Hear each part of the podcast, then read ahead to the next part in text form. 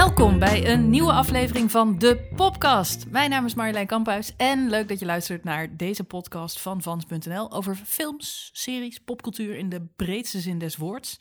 En wie popcultuur zegt, zegt uiteraard Star Wars! Star Wars! Want niet alleen naderen we het eind van het jaar en daarmee dus ook een nieuwe Star Wars film. Eindelijk, The Last Jedi gaat natuurlijk uh, half december uh, in première. Vorige week werd ook bekend dat Disney na de voltooiing van deze trilogie nog drie nieuwe Star Wars films wil gaan maken. En dat komt voor mij als fan echt als een shock. Want ik weet nog dat we ooit ernaar uitkeken dat er... Uh, uh, ja, er kwamen drie nieuwe films eind jaren negentig. En uh, heel misschien zouden er in de toekomst nog eens drie nieuwe films komen. Maar dan alleen als George Lucas tegen die tijd nog in leven zou zijn. Maar goed, dat, dat is zo. En inmiddels is de hele tent natuurlijk ook verkocht aan Disney. Er lijkt er een soort onuitputtelijke bron van nieuwe Star Wars films te, te gaan ontstaan. Um, daar gaan we het vandaag over hebben. En dat doe ik uh, uiteraard niet alleen. Tegenover mij zit mijn co-host Johan Voets. Hey, hallo. Leuk dat je er weer bent. Yes. En um, wat ik me eigenlijk afvroeg, Johan, dat Ja. weet ik helemaal niet. Nee. Uh, wat is de eerste Star Wars film die jij ooit gezien hebt? Ja, dat is de originele Star Wars. Eh, is het een nieuw hoop, is dat, hè? Dat is de... Ben je daarmee begonnen? Ja, ja, ja. ja, ja. Echt waar? Ben je thuis opgevoed zo van, nou jongen, dit nee, is Star ja, Wars? Nee, nee, ik ben helaas niet thuis opgevoed met... hey, jongen, dit is Star wie, Wars. wie, nam jou, wie, wie introduceerde jou dan in Star Wars? Zo, dat is een goede vraag. Dat is een hele goede vraag. Kwam dat dan, want jij was best wel fanatiek in de eh, Ja, games ik en zit heel spelletjes. na te denken. Want ik, kijk, mijn, mijn, mijn eerste eh, eh, sci-fi introductie was natuurlijk vroeger eh, tv-serie Ho, ho, ho, ho, eh, Buck ho, Rogers. ho, Ja. ho. Nee, oh, sorry, het is geen Sci- sci-fi. Oh, oh, oei. Geen Wat sci-fi. een fout pas, zo in het begin gelijk. Johan Voets, Fantasy, Johan. We zien Star. Wars we zien is Johan Voets in het volgende segment weer terug. Ja. Nee, eh, mijn, mijn, eerste, eh, goed, mijn eerste introductie in, eh, in, in wel sci-fi dan dus is in dit geval Buck Rogers. In de jaren 80 was dat een, een, een science fiction serie, ook ruimtevaart. Eh, Star Trek had je natuurlijk de originele, maar dat, dat, dat werd dan herhaald tot in het einde der dagen. Dus ik heb pas heel laat, ik denk dat ik echt al begin twintig was toen ik voor de eerste Star Wars helemaal echt ging snappen en ging kijken. Natuurlijk zag je wel fragmenten van de film voorbij komen, maar ik denk, ja, begin twintig ergens. Hm. Echt, Ja, Ja. voor mij ook. Maar dat, eh, voor mij was dus niet de eerste film een New Hope. Want die is eh, ja, van voor mijn tijd. En ehm, ik ben eigenlijk enthousiast geworden eh, bij het uitkomen van... was dat The Phantom Menace? ja. Die kwam namelijk uit in 1999. Ja. En dat is het jaar dat ik eindexamen had gedaan en ben gaan studeren. En ik had een aantal klasgenoten en die waren helemaal, helemaal gek van Star Wars. uiteraard, jongens. En, ehm, en die zeiden, moet je heen, daar moet je heen. Moet je gezien hebben. Moet je gezien hebben. Ja. En ik, ik snap natuurlijk geen reet van, eh, van, van wat dan de achtergrond was. Ik dacht Ja. alleen maar oude meuk uit de jaren 70, 80. Het zal wel. En ik zag die film en ik was meteen helemaal hooked. En, ik vond, en, en, en dan moet ik erbij zeggen, in terugwerkende kracht, Phantom Menace is misschien wel de Ja. slechtste, de Nee. slechtste film van alle Star Wars films. Maar Nou, toch nee, nee, vond ik het volgens- meteen mij- intrigerend. Ik denk, als we dan toch eigenlijk, ik denk niet, de Phantom Menace was niet de, ik denk dat Attack of the Clones dat echt was. Maar dat is een ander verhaal. Ach, Ja. ach. Nee, dat ben ik niet met je eens. Nou, vooruit. Maar, eh, maar goed, het, het, was, podcast, wel, ja. het, was, het, was wel, het was wel mijn, eh, mijn hoek, zeg maar, aan Star Wars. En, en dat komt dan ook omdat, eh, want ik heb dit even opgezocht hoor, maar Mhm. ehm, deze films, de- deze trilogie kwam dus uit tussen 1999, Attack of the Clones in 2002, Ja. Revenge of the Sith in 2005. Ja. En eh, die laatste film, Revenge of dus de, de, de epiphany, zeg maar, van Ja. die trilogie, Ja. trilogie die kwam uit toen, eh, toen ik afstudeerde. Dus moet je Ah. je voorstellen dat ik dus in mijn net uit, uit de eindexamenbanken begon. Aan, eh, de- op kamers wonen en voor jezelf beginnen. En, en dat andere was een beetje de, de zomer dat ik afstudeerde en eindelijk klaar was met, met alle studie. Dus- Dus kwam die laatste film uit. Dus ik, het is Voor voor, jou, was, mij... het- voor jou was het verhaal ook rond. Voor mij was het verhaal, het verhaal ook rond. Nee, maar ik realiseer me nu dat die trilogie dus voor mij echt mijn complete studententijd eh behelste. En Ja. ik, was, ik was zo fan. Ik was echt, dit was echt... Ik, heb, ik, ik ben nog, nog drie keer terug geweest naar de bioscoop toen ik in Schotland studeerde. Omdat ik die Revenge of the Sith gewoon nog een paar keer wilde beleven. Ik kan me herinneren dat ik zo enorm onder de indruk was Ja. van eh, de audio met name. Hm. En eh, de, de soundscapes eigenlijk die die film Ja. al toen wist eh, te creëren. Ik Ja. heb alle soundtracks, die heb ik grijs gedraaid. Ik vind de muziek fantastisch. Zelfs, Wars. zelfs jouw mp3's zijn grijs. Ja. ja, inderdaad. Nee, ik kocht toen echt de CD-boxen op, eh, op, eh, op Amazon zelfs. Zo mooi vond ik dat. Dus, ehm, dus ja, dat- dat- is echt voor mij eh, wat heel gek is. Want de echte fans zweren natuurlijk bij de eerste saga, die ik uiteraard daarna wel heel snel ben gaan kijken. Ah, ja. ik, ben wel, ik ben wel echt vooraan begonnen. Dus dat vind ik wel weer Ja. leuk. Ja, dat ik daar wel dan ooit... Heel goed. Ja, ik moet wel zeggen dat ik het wel ben gaan waarderen toen ik de tweede saga, dan de tweede trilogie, sorry, gezien heb. Dat het toen wel het kwartje begon te vallen, zeg maar. Nou, ik vond bijvoorbeeld heel mooi dat. ehm, dat eh, ik keek natuurlijk de, de eerste drie films heb ik dan wel gekeken ergens, eh, wat zal zijn geweest, rond de, rond de eeuwwisseling. Dus na het uitkomen van die nieuwe film heb ik dat vrij snel gezien. Maar wat ik wel heel mooi vond, is dat ze na het uitkomen van de, eh, van de laatste film in 2005 hebben Ja. ze een remaster gemaakt van de oude films. En eh, de, de puristen zijn het ook, die zijn dit ook niet met me eens hoor. Maar daarin is eh, Anakin Skywalker, dus personage eh, Darth Vader, vervangen door Hayden Christensen, Ja, ja. die in de nieuwere films zijn rol speelt. Klopt. Dus ze hebben de oude acteur, de hologram, hebben ze eruit geknipt in de laatste scène en hebben ze Hayden Christensen ingeplakt. Wat ik echt fantastisch vond, omdat het, ja, omdat, omdat, omdat het ook een film een levend begrip maakt. En, en met name, weet je, ja, het, man, Ja. ik kan er niet over uit. Maar een van de mooiste dingen aan Star Wars is natuurlijk dat de hele boel is omgedraaid. Dat je begint met een verhaal ergens in het midden en dan pas een proloog uitbrengt. En nu, waar we ons nu op verheugen, deze december, is, is ja, de, de aftermath. Ja. Weet je wel, wat, wat erna komt. En het is een saga wat ons echt al decennia lang nu Bezighoudt. Ja. in zijn greep houdt. En eh, volgens mij leidt ons dat tot eh, waar we het eh, nu over willen hebben. Ja. En kan, kan dat kan dat gecontinueerd worden? Weet je, er komen nu nog drie nieuwe films. Ja. Nou, wat je, wat je natuurlijk heel erg ziet, wat ik, wat ik heel spannend vind, is er komt natuurlijk nu nog, er komt sowieso nog één film uit deze Skywalker saga, Ja. om zo maar even te zeggen. Want de, wat bekend is geworden is dat het verhaal zal buiten de familie Skywalker omgaan. Eigenlijk is deze hele film, negen films die we nu gezien hebben, zijn gebaseerd op het verhaal van de familie Skywalker. Ehm, dat gaat dus helemaal eh, op de schop. En we krijgen iets compleets nieuws, maar wel van dezelfde regisseur. Ryan Johnson is de regisseur van de huidige, van de, de, de Ja, van aankomende de, de aankomende. The Last ja. Jedi eh, Star Wars film, Ja. Skywalker eh, saga. Ehm, die Ryan Johnson, die kennen we eigenlijk nog niet zo heel erg goed. Eh, heeft eigenlijk maar twee bekende dingen op zijn naam staan. Eén is een eh, film Looper. Die heb je misschien gezien. Ik, ik heb hem gezien Ik ooit in een vliegtuig. Nee. Daar moet je hem ook kijken. Verder ook niet, vind ik. Oké. Eh, vermaak, vermakelijk popcorn Bruce vermaak. Willis, toch? Eh, ja, en ehm ik ben al Joseph ja, Gordon met zijn, eh, Le- Jet Levitt, ja. Ehm, Een vermakelijk popcorn filmpje.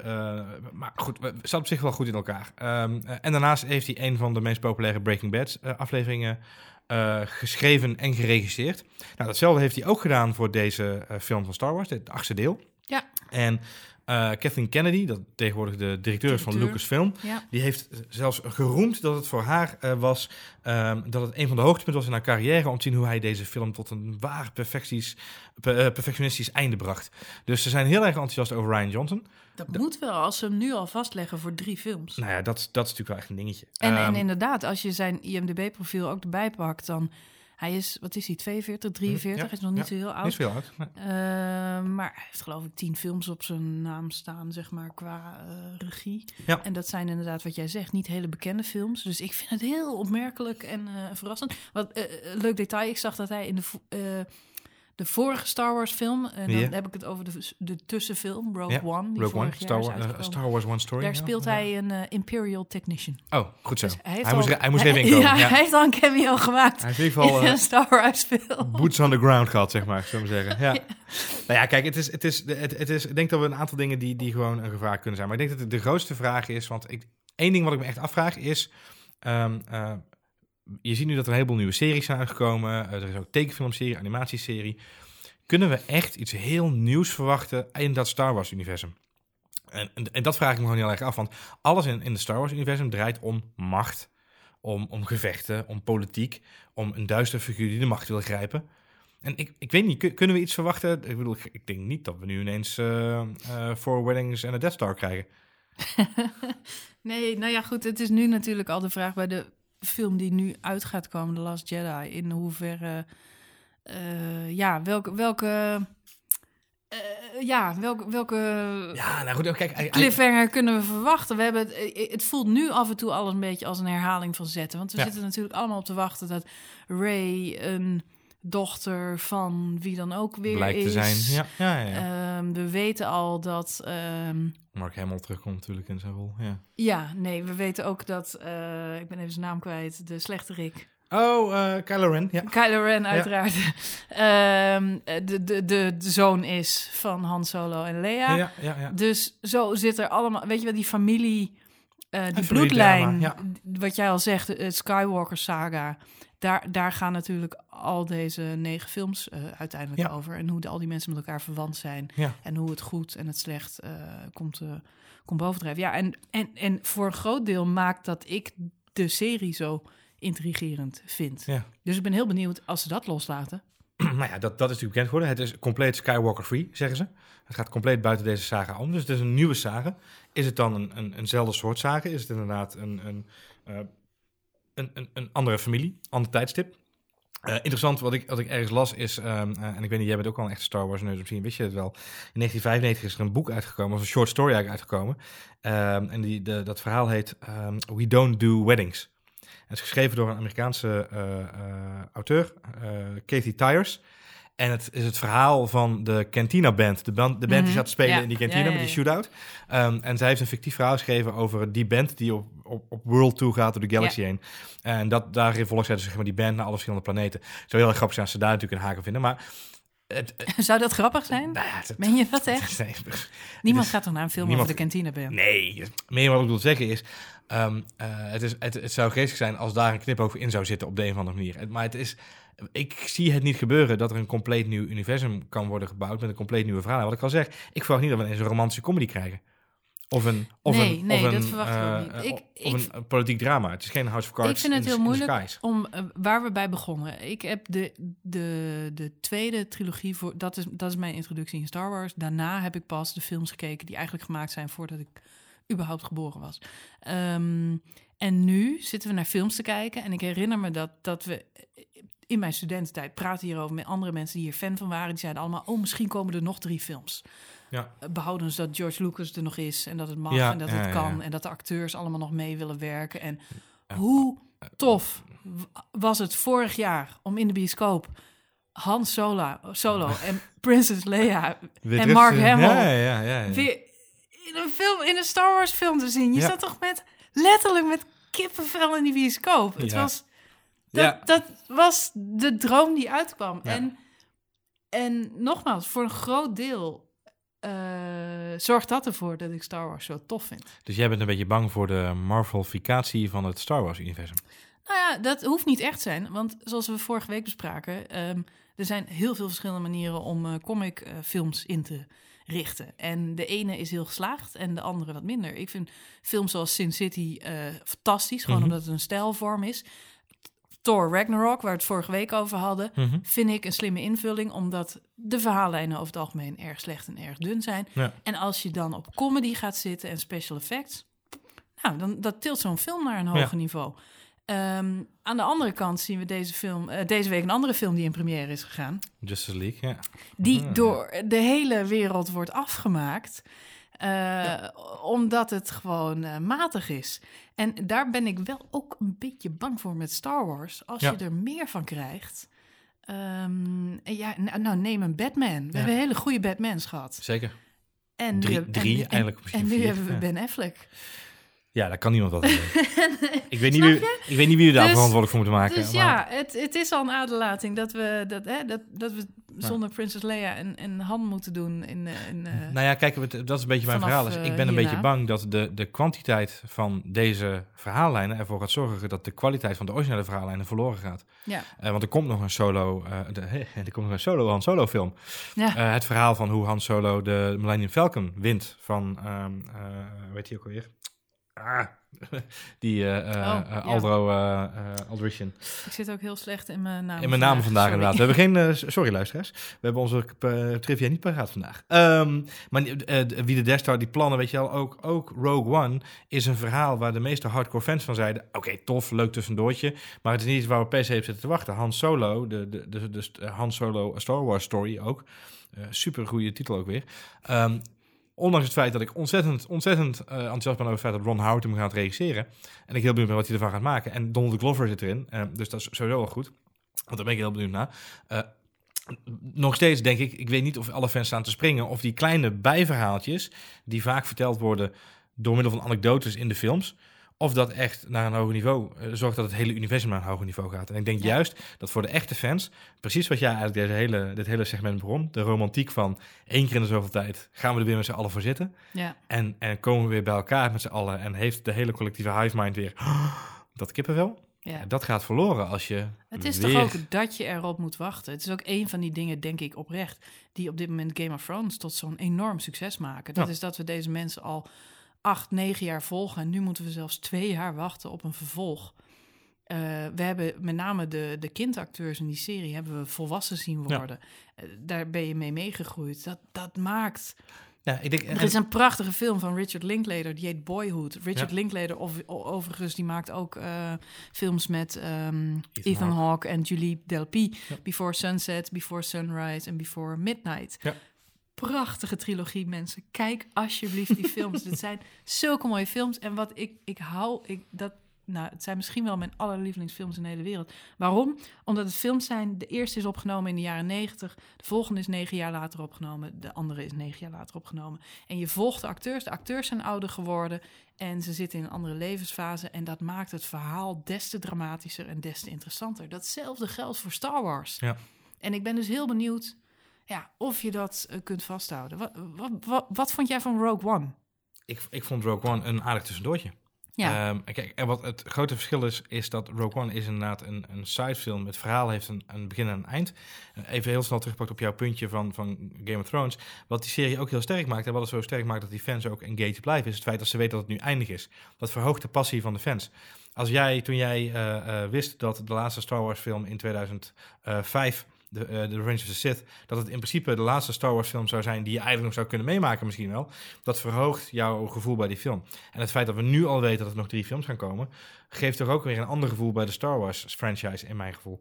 Ehm, ik vind het, ehm, eh, eh, ik vond Rogue One een mooi tussenverhaal. mhm. Ik, ik denk dat we nu ook weer een tussenverhaal krijgen. Ik vond namelijk de eerste film met J.J. Abrams. eh, fantastisch. ja, maar wel inspelend op het verhaal zoals we het kenden. Het was wel Ja. weer even iedereen warm maken voor het Ja. verhaal dat we kenden. En ik ben heel benieuwd nu hoe, hoe deze Ryan Johnson het oppakt. Ehm, met name omdat ik denk dat... kijk, van, van J.J. Abrams wisten we... die kan een franchise weer een nieuw leven inblazen. Want die had Ja. net daarvoor Star Trek weer in deze eeuw getrokken. Ja. Eh, en heel, heel groot en bombastisch met de bekende lensflares populair gemaakt. En iedereen was natuurlijk als de dood dat hij heel Star Wars zou dood lensflaren. Dat viel gelukkig reus mee. Eh, dat zou Lucas Arts natuurlijk nooit toelaten. Maar hij heeft laten zien dat hij het wel degelijk kan. Ik zat echt voor eh, twee jaar geleden met kippenvel in de Ja. bioscoop. En En, ik- dat, Ja, ja, ik denk dat we dat nu weer zitten hoor. Dus dat, dat verandert niet. Want dat is namelijk elke keer als je die tune hoort, elke keer als je die, die sterrenhemel voorbij ziet komen, ga je weer even terug naar het gevoel. Alleen ik ben bang dat als je niet zorgt dat het einde van deze saga goed is, Mhm. Ehm, dat is de enige manier waarop je deze nieuwe trilogie echt de, de, de, het platform kan bieden wat ze, wat ze verdienen met drie nieuwe films. En ook de regisseur Ryan Johnson het, het platform, het succes kan bieden wat hij nodig heeft. Dus als je deze twee films, deze laatste twee films, zowel The Last Jedi, die heeft hij dan zelf onder controle, eh, als de, de nog unnamed eh, negende laatste film, als die ervoor zorgen dat deze saga echt zo afgelopen is. We gaan het meemaken. Eh, wanneer de volgende trilogie komt, weten we nog niet. We weten wel dat de regisseur in kwestie slechts eh 42, 43 jaar oud is. Dus hij heeft nog even om, eh, om, eh, om daaraan te gaan werken. The Last Jedi, die draait vanaf 13 december in de bioscoop. Na de break zijn we terug en dan gaan we het hebben over mijn favoriete foodprogramma. Your life in the MasterChef kitchen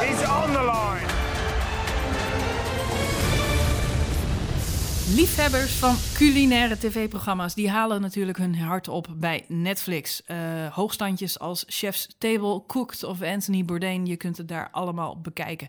Maar er is één kookprogramma dat inmiddels al seizoen na seizoen alle competitie verslaat als het gaat om echte populariteit bij kookliefhebbers zoals ik. En, een bijkomend voordeel, het is gewoon te zien op de Nederlandse televisie. Dan heb ik het natuurlijk over Masterchef Australië. Goede toevoeging. ja, Die is belangrijk, hè? Ja. Nou ja, ik wil mensen even laten nadenken. Misschien hebben ze zelf een idee van eh, dat moet dat programma zijn. Nou, Masterchef Australia. Ik moet zeggen, de meeste mensen, met, ik heb een aantal vrienden die ook net als ik heel erg van kookprogramma's houden. Ehm, en als we het dan hierover hebben, dan valt eigenlijk eh, die titel al- altijd wel. Het is een eh, dagelijkse tv-show waarin je... we beginnen geloof ik met 24 deelnemers. En het zijn allemaal amateurkoks eh, in Australië. En die gaan met elkaar de strijd aan. En uiteindelijk komt daaruit één Masterchef. Het programma wordt in Nederland al jarenlang uitgezonden door Net5. Het is elke avond op televisie, van maandag tot en met donderdag. En het wordt gepresenteerd door drie fantastisch leukse, leuke eh, koks. George Columbaris, Gary Megan. Gary Ma- Ma- Mahagan en ehm, Matt Preston. Matt Preston uiteraard. Uiteraard. Ja. Ja, en zij worden bijgestaan door eigenlijk, nou ja, toet bekend culinair Ja. chef-kok. Iedereen in een wit pakje met een, eh, met een Messi. Ja. Ja, en, ehm, en waar we het vandaag over gaan hebben, is waarom dat programma eigenlijk zo succesvol is. Ja. Weet jij dat? Nou, ik heb, ik heb het natuurlijk een beetje, eh want jij zegt, maar ik kijk heel graag natuurlijk Masterchef. eh, eh, want ik vind En ook- waarom de Australische? Hè? Want het is Ja. niet de enige. En nou, het is nog grappig, het is een suggested search hè, op Google. Dus is Masterchef Australia the best Masterchef in the world? Want klein beetje trivia facts, want daar ben ik altijd wel een beetje van. Hè? Mhm. dat, dat weet je intussen. Ik heb een, een hoofddiploma Google. Jij bent Ehm, een beetje de, de sidekick van dit programma. Ja, ik ben een beetje de Ga- de de- Luc de- Ikink- De Luc de Rob van. Ik ben een beetje jouw Sandra Remer tot jouw Jos Brink. Voor de mensen die nog wat ouder zijn zelfs. Ehm, eh, de show wordt een, eh, eh, is van origine van de BBC en loopt al sinds 1990. Echt waar? Ja, dus vorige eeuw zelfs. Ehm heeft een kleine tussenpauze gehad in 2001, tussen 2001 en 2005. Mhm. Ehm, intussen wordt hij geproduceerd in maar liefst 52 landen. Zo. Van Albanië tot Vietnam. En alle letters daartussen kun je zo'n beetje kiezen. Waaronder ook natuurlijk in ons eigen landje Nederland is het een tijd uitgezonden. En het kent dus ook een heleboel spin-offs. En een aantal daarvan kennen we ook al in Nederland. Waaronder Junior Masterchef. We hebben Celebrity Masterchef. En we hebben eh, Masterchef The Professionals. Waarin Mm. de chefkoks tegen elkaar opnemen. Ook Mm. leuk. Wat ik dan wel leuk afvraag is of ze dan een wedstrijdje hebben waarbij ze een gerecht moeten namaken van een amateurkok. Dat terzijde. Ehm daarnaast zijn er echt al duizenden boeken onder het label verschenen. Het is echt een wereldwijd merk wat ontzettend, ontzettend goed loopt. Eh, klein Nederlands tintje, soort van. Eh, het is een productie van Endemol Shine in, in Australië. Dat betekent dat eh, onze eigen Endemol er een beetje aan hangt. Ehm, en die rol van Endemol Shine is heel belangrijk. Waarom? Zij hebben als enige producent eh, bij de start van Masterchef Australië, dus negen seizoenen geleden, Mhm. besloten om het format iets aan te passen. Mhm. En er, zoals het een goed Nederlands productiebedrijf zou betamen, zou ik wel willen zeggen, wat reality-element aan toe te voegen. Een soort reality-tv-show-achtig. Eh, en er een dagelijkse show van te maken. Dus Mhm. waar het originele format een wekelijkse show is, waarin mensen elke keer losse deelnemers tegen elkaar opnamen en uiteindelijk in een soort van toernooischema naar een halve finale, kwartfinale, finale toe gingen, Ja. volgen we hier echt elke dag 24 deelnemers. En elke week vallen er weer een aantal af. En zo zie je een hele lang avontuur waarin ze van alles meemaken. Ze wonen samen in een huis en we volgen die mensen op hun pad naar de titel. Ja, maar wat veel mensen zeggen, en eh, dat is natuurlijk, is dat het programma juist totaal geen reality eh, vibe heeft. Omdat mensen bij reality al heel snel denken aan ruzie, conflict, Klopt. gezeik, ehm, onderlinge struggles, eh, gesprekken. Daarvan is eigenlijk totaal geen sprake. Het toffe aan Masterchef is, in tegenstelling tot alle andere reality-programma's die er op tv zijn, dat het een onwijs positief programma is. Het is heel erg aangenaam om naar te kijken. Het is heel erg fijn om naar te kijken. Er is geen stress, er is geen gezeik, er is geen ruzie. Het gaat voor echt primair om het koken. Je Ja. ziet de mensen, ja, ze, soms zie je ze 's ochtends opstaan in het huis. En dan blikken ze vooruit van, nou, eh, het wordt een spannende dag. Dat duurt wel geteld 30 seconden. En dan staan ze in de keuken en dan Ja. krijgen ze een opdracht. Klopt. En daarna gaat het vooral om eh, hoe communiceren ze onderling en hoe met, met, de, met de chefkoks. En, en ook de, de presentatoren, die zijn eigenlijk louter positief. Die, Ja. zijn, die staan echt als een soort coach in het programma. Terwijl in andere kookprogramma's we natuurlijk gewend zijn... dat er echt harde kritiek is. Mensen worden afgezeken, lopen met tranen eh, eh, de deur uit. Voor heel veel tv-makers is dat... Ja. Wat goede, aantrekkelijke televisie is. Ja, en dat is de beetje- ironie is dat dit programma dat het allemaal niet heeft Nee. en juist heel succesvol is. Ja, dat is een beetje de ironie inderdaad, precies wat je zegt. Het is een beetje gevoed door, eh, door populaire talentenjachten. Eh, waar we vroeger natuurlijk Simon Cowell hadden. En in Nederland hadden we Gordon, die, eh, die heel fel waren in hun kritieken. Die is tegenwoordig druk met trouwen. Dus, Ja, dat- dat, ja, ook dat. Zou er ook heel kritisch op zijn. Ehm, eh, dat zijn natuurlijk, dat waren mensen. En vroeger had je eigenlijk ook al, als ik heel vroeg terug ga, dan had je bij de Soundmix Show en, en de Playback Show had je Jacques D'Ancona. Die kon ook altijd ook altijd een beetje de bittere, de, de, de, het, eh, het, eh, het kritische jurylid. dat is typisch een ik Nederlandse. keek alleen de mini-playback show. En dan zat, dat was hij een naast- bulletje. Dan zat hij naast Bulletje. En bulletje die, haalde altijd een beetje de angel uit het verhaal. Ik Ja. net zeggen, die waren altijd heel lief. En, en Nederland eh, hebben en bij Masterchef helaas geen bulletje. Wordt wel vaak voorbereid. eh, gebakken bulletje. Maar ehm, eh, wat je ziet is dat ehm, eh, ze in Australië voor gekozen hebben om echt iedereen in, in ehm, staat te stellen van het najagen van de overwinning. Mhm. Dus de, de koks, de, de mensen die komen helpen, de mensen die de opdracht komen uitleggen, de mensen onderling, ze zijn allemaal bezig met gewoon zo leuk mogelijk mooie dingen maken. Ja, dat werkt gewoon heel erg enthousiasmerend. In Nederland is het pro- eh, programma gepresenteerd door Renate Verbaan, onder andere. Oh. Eh, en er zaten er ook een aantal kritische juryleden in. Eh, was dat niet het grootste probleem, maar was heel erg de focus op eh, het uitspelen van conflicten. Dus er werd Mhm. veel meer de personen naar voren geschoven. Dus de koks waren belangrijker in plaats van de gerechten. Terwijl hier kijk je eigenlijk constant naar een soort Instagram-feed, een soort live feed van Instagram, waar Mhm. mensen mooie dingen aan het koken zijn. Aan het einde van de rit maken ze iets moois op een bordje. En dat zetten ze voor een jurylid neer. En door de bak genomen zijn ze enthousiast of mild kritisch. Eh, en als ze mild kritisch zijn, dan voel je het ook wel zo. Oeh, die is wel best wel hard voor zijn doen. Mhm. Het is nog steeds niet onbeleefd. Eh, Nederland en eh, vooral ook Amerika, ook Groot-Brittannië, hebben heel erg de neiging om toch dat conflict op te zoeken. Die ruzie en het persoonlijke drama. En het gaat om, eh, je moet overwinning en hij probeert me te vernietigen. En dat is gewoon, ja, dat, is niet wat in, dat zit niet allemaal in dit programma. Nee, sterker nog, in dit programma gaat het echt vooral om dat eh, proces. Wat, mij heel, wat ik echt heel tof vind, is dat geen aflevering hetzelfde is. Nee. Eh, het is super eh, eh, divers, waar heel veel programma's natuurlijk vast grid hebben. Ehm, ik, ik kijk het s'avonds en eh, meestal dan neem ik het op. En vlak daarvoor eh, is er een ander kookprogramma. En dat eindigt elke avond hetzelfde. Ik weet niet wat het programma is. Die mensen moeten geloof ik iets koken voor een groep mensen. Die eten het dan allemaal. Er worden de cijfers uitgedeeld. Ja. En dat is. Dat is ook een dagelijks programma, ook uit Australië. Ook uit Australië inderdaad, je hebt een heel ander format. Ja. Heel ander format, elke dag hetzelfde. Bij Masterchef is juist de charme. Eh, ze doen enerzijds team challenges. Je ziet veel van Australië, want ze gaan naar het platteland. Ja. Of ze gaan naar het strand. Of ze gaan naar de markt om daar te koken voor een groot gezelschap. Ze mogen in een sterrenrestaurant koken. Ze krijgen een eigen foodtruck toegewezen. Het is, ze moeten van alle markten thuis zijn. Ja. Wat jij zegt, het niveau is enorm hoog. Je zit echt te kijken naar mensen die dingen maken waarvan je denkt... wow, dat vind ik dan bijvoorbeeld weer een heel groot verschil met programma's als Heel Holland Bakt. Ja. Waarbij ik af en toe echt met plaatsverva- mijn plaatsvervangende schaamte zit te kijken naar zo'n eh, zo'n slagroomsoes die eh, zeg maar net niet eh, linksaf van het bordje Oh, af daar, ben, daar, ben ik niet van, drijft. daar ben ik niet van gediend, hè? Nee.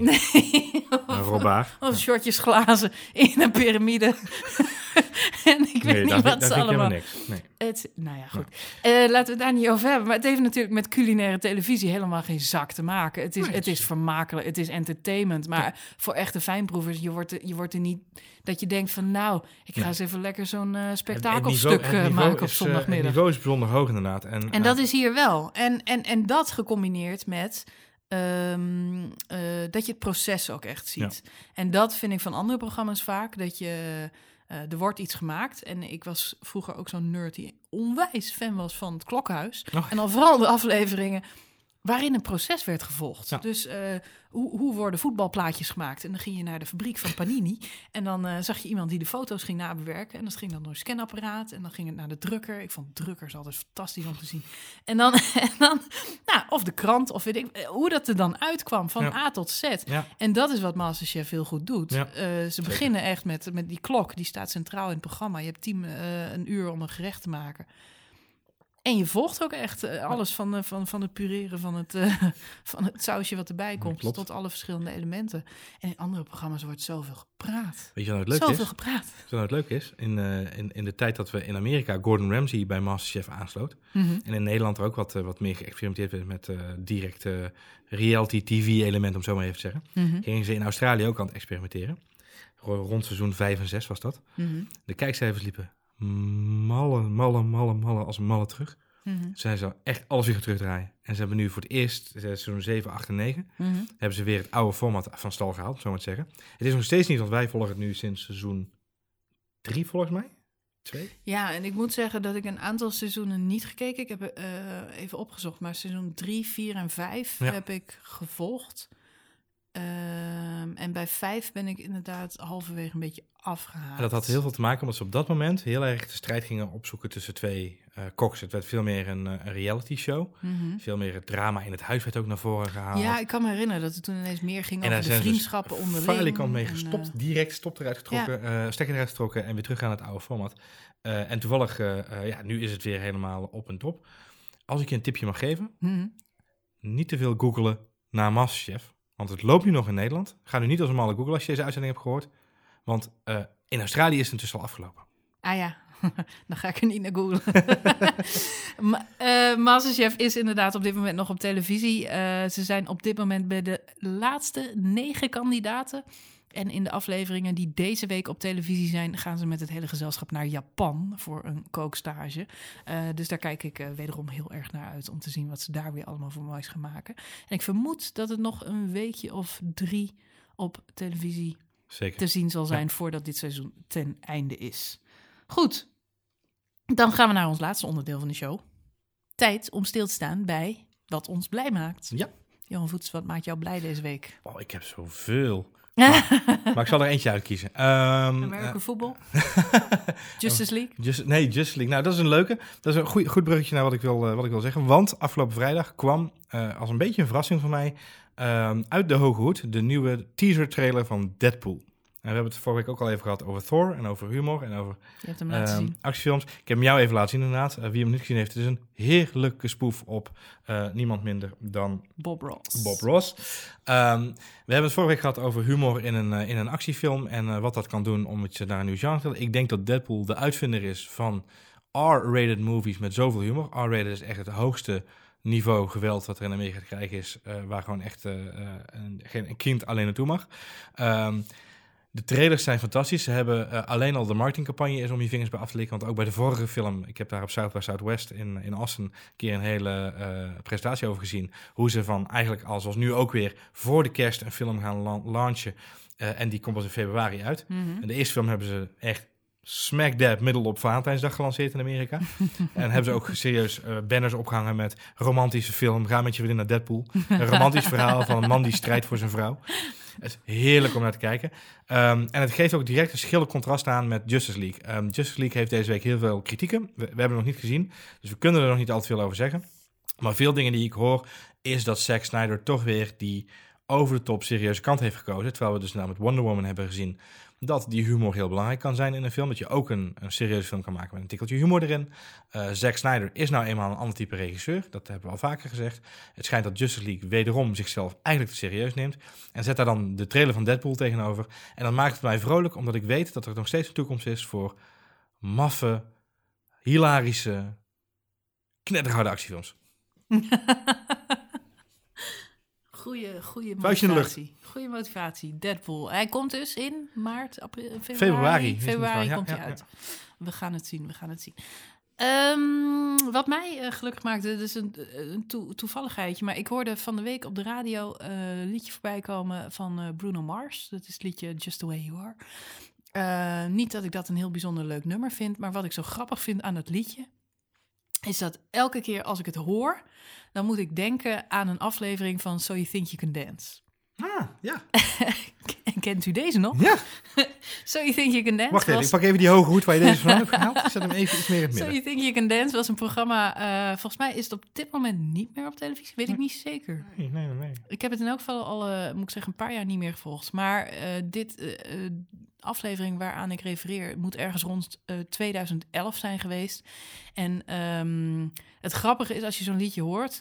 ehm, wat er in die show gebeurt, is dat, dat, eh, dat er allerlei dansers eh, talent, is talentenjacht. Mensen doen mee en ze kunnen heel goed dansen. En naarmate de, het programma vordert, worden de dansen natuurlijk steeds eh, mooier en gecompliceerder. En ze dansen verschillende stijlen in duo's, eh, jongetje-meisje over het algemeen, soms jongetje-jongetje, meisje-meisje. Eh, dit specifieke liedje werd uitgevoerd door een jongen. En ik moest zijn naam echt even googlen. Het enige wat ik nog wist is dat hij Floris heette. Oh ja. En ik, ik kon me herinneren dat hij ook het programma gewonnen, Gewonnen heeft. Ja. En eh, dat klopt inderdaad. Hij zat in die dansfilm ook daarna nog, die eruit ja, gekomen is. hij zat in die dansfilm. Nederlandse step-up, zeg maar. de Nederlandse steppen. Floris Bosveld was zijn naam, kwam ik achter. En dan ben je toch benieuwd, wat is er met die jongen gebeurd? Wat is er met die jongen gebeurd? Oké, dit maakt je vrolijk, dit segment. Dus ik ga het goed komen, dit. Ja, nee, ik werd er echt vrolijk van. En dat was ook meteen de reden dat ik dacht... ik ga deze anekdote gewoon vertellen, hoe gênant het ook is. Eh, Floris Bosveld eh, danste in, eh, in, in dit specifieke li- liedje een hip-hop lyrical. samen met een meisje wiens naam mij op dit moment even ontschoten is. Maar dat was een. Ik heb het teruggezocht op YouTube. En content van RTL is over het algemeen niet goed te vinden op YouTube. Dus Nee, er staat een hele slechte. Ze schijnen een eigen player te hebben ergens. Ja, er staat een hele slechte rip. Ja, het nadeel is, daar moet je dan weer voor betalen, Mhm. geloof ik. En voor één fragmentje van So You Think You Can Dance ga ik dat niet doen. Eh, er staat een slechte rip op, eh, op YouTube. Ehm, zoek het even op. Bruno Mars, eh, Just The Way You Are. En dan Floris en So You Think You Can Dance. En dan zie je wat ik bedoel. Het was, het was een hele schattige hip-hop lyrical. En elke keer als ik dat beatje hoor, dat nummer, dan zie ik precies het dansje voor me van, van Floris. En dat had ook te maken met zijn ontzettend uitgesproken mimiek. En die jongen had de gave om, naast dat hij de danspasjes... hij had een hele goede, goede poppingstijl... eh, dat hij de danspasjes perfect uitvoerde en goed popte... deed zijn lichaam op elke beat ook een andere grimas.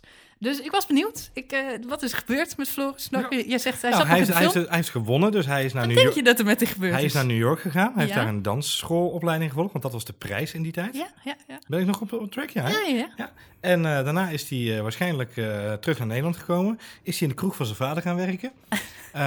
Heeft hij een gokverslaving opgedaan. is hij liedjes gaan schrijven voor eh Dre Hazes.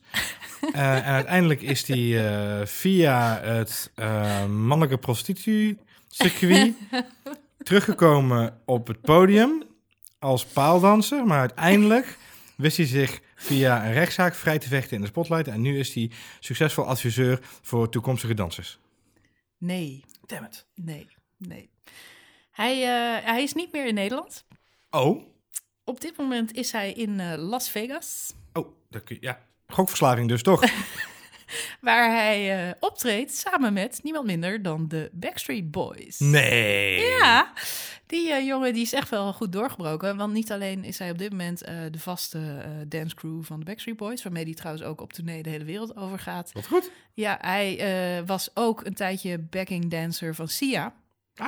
En daar eh, heeft hij ook in diverse videoclips, waaronder... Daar zie je hem niet achter die pruik. Maar... Nee, waaronder in de clip Cheap Thrills. Yo, Wat natuurlijk gewoon heel bekend wat grappig. nummer is Wat wat, goed. 183 miljoen keer bekeken Ja, op YouTube. En inderdaad, als je die clip opzoekt, dan zie je in de achtergrond zie je Floris Bosveld gaan dansen. lekker poppen en lokken. Nee, hij staat niet op in te lokken, want het is een hele typische videoclip Oh. waarin een beetje tuttig gedanst wordt. Ehm, wat dan frappant is, maar eh, hij mag daar helaas niet de show stelen als danser. Maar eh, Wat goed. hij zit daar wel in, dus ik was eigenlijk heel blij verrast. Maar Dat dit wij, maakt mij eh, ook blij. Dat dacht ik. Ik werd er gewoon blij van. Dus zoek hem nog eens op, Floris. Hij zit ook op Twitter en op Instagram. En hij maakt nog steeds hele tof videootjes.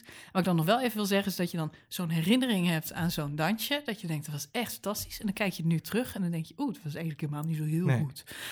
maar, maar de shit die hij nu maakt, die hij nu op zijn accounts post, dan kun je echt zien dat hij, eh, dat hij veel geleerd heeft. En dat moeten we dan toch nageven. Er is vaak kritiek op talentenjachten.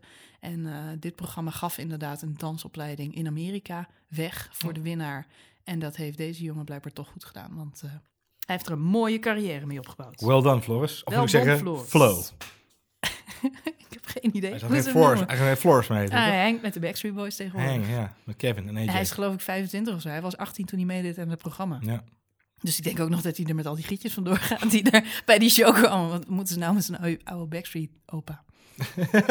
De Backstreet Grandpas. Het zijn in elk geval geen boys meer. Dus dat ze zichzelf nog zo noemen. Leuk. Dat Leuk. kan eigenlijk echt niet. God, wat een goed verhaal. Wat dan niet trouwens zo'n goed idee is om te doen, waar je niet blij van wordt, is als je dan Nick Carter, die had toch ook een broertje? Aaron, ja, moet je die moet je niet googelen, nee, nee, nee. want daar is het niet zo goed mee. Nee, die hangt heel veel samen met Ma- Macaulay Culkin, denk ik. ja. En zo kunnen we nog wel een paar En zo kunnen we nog een paar opnoemen. Maar met onze Groningse Floris is het goed afgelopen, mensen. En eh, met die eh, blije noot eindigen we deze aflevering van de podcast. Wij vonden het wederom heel erg leuk om te maken. Mocht je nou zin hebben om te reageren, dan kan dat eh, via Twitter Oh, nou, en Johan Voets. Of at Marjolein. Eh, je kunt ook reageren op eh Vans underscore NL.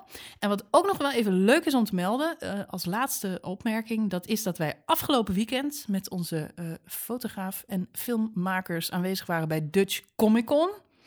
Voor de mensen die niet weten wat het is, is een hele grote ja, cosplay slash comic beurs in de jaarbeurs in Utrecht. Die vindt twee keer per jaar plaats. Ehm, ik vind het echt super gaaf om heen te gaan, omdat er echt alleen maar tof verklede mensen rondlopen. Iedereen heeft zo onwijs uitgepakt. Iedereen ziet er zo tof uit. Je kijkt je ogen uit en daarnaast zijn er 600 steentjes met allemaal nerdspullen en Funko Pops en Star Wars posters en pakken en alles, alles wat een nerd wil hebben. Ehm, daar waren wij bij en daar hebben we een hele toffe eh, after eh, movie van gemaakt. En hele toffe foto's. Check onze Facebook, eh Vans NL aan elkaar. Ja. En daar vind je alle foto's en de video. Zo leuk was, Marjolein? Hm? Dit, weekend waren in de jaarbeurs zowel Bright Day als Dutch Comic Con. Was Bright Day in de jaarbeurs? Ja. Dus dat was een soort van... Alle tech-nerds kwamen bij elkaar. En alle cosplay- en comic-nerds kwamen bij Dus je hebt alle nerds die al uit de kast zijn en alle nerds die nog in de kast zitten, zeg maar. Je hebt de extravagante nerds Ja, die, die zichzelf exact, durven laten ja. zien. En de nerds die... eh, Ik val wel onder de... Ik durf niet te laten zien.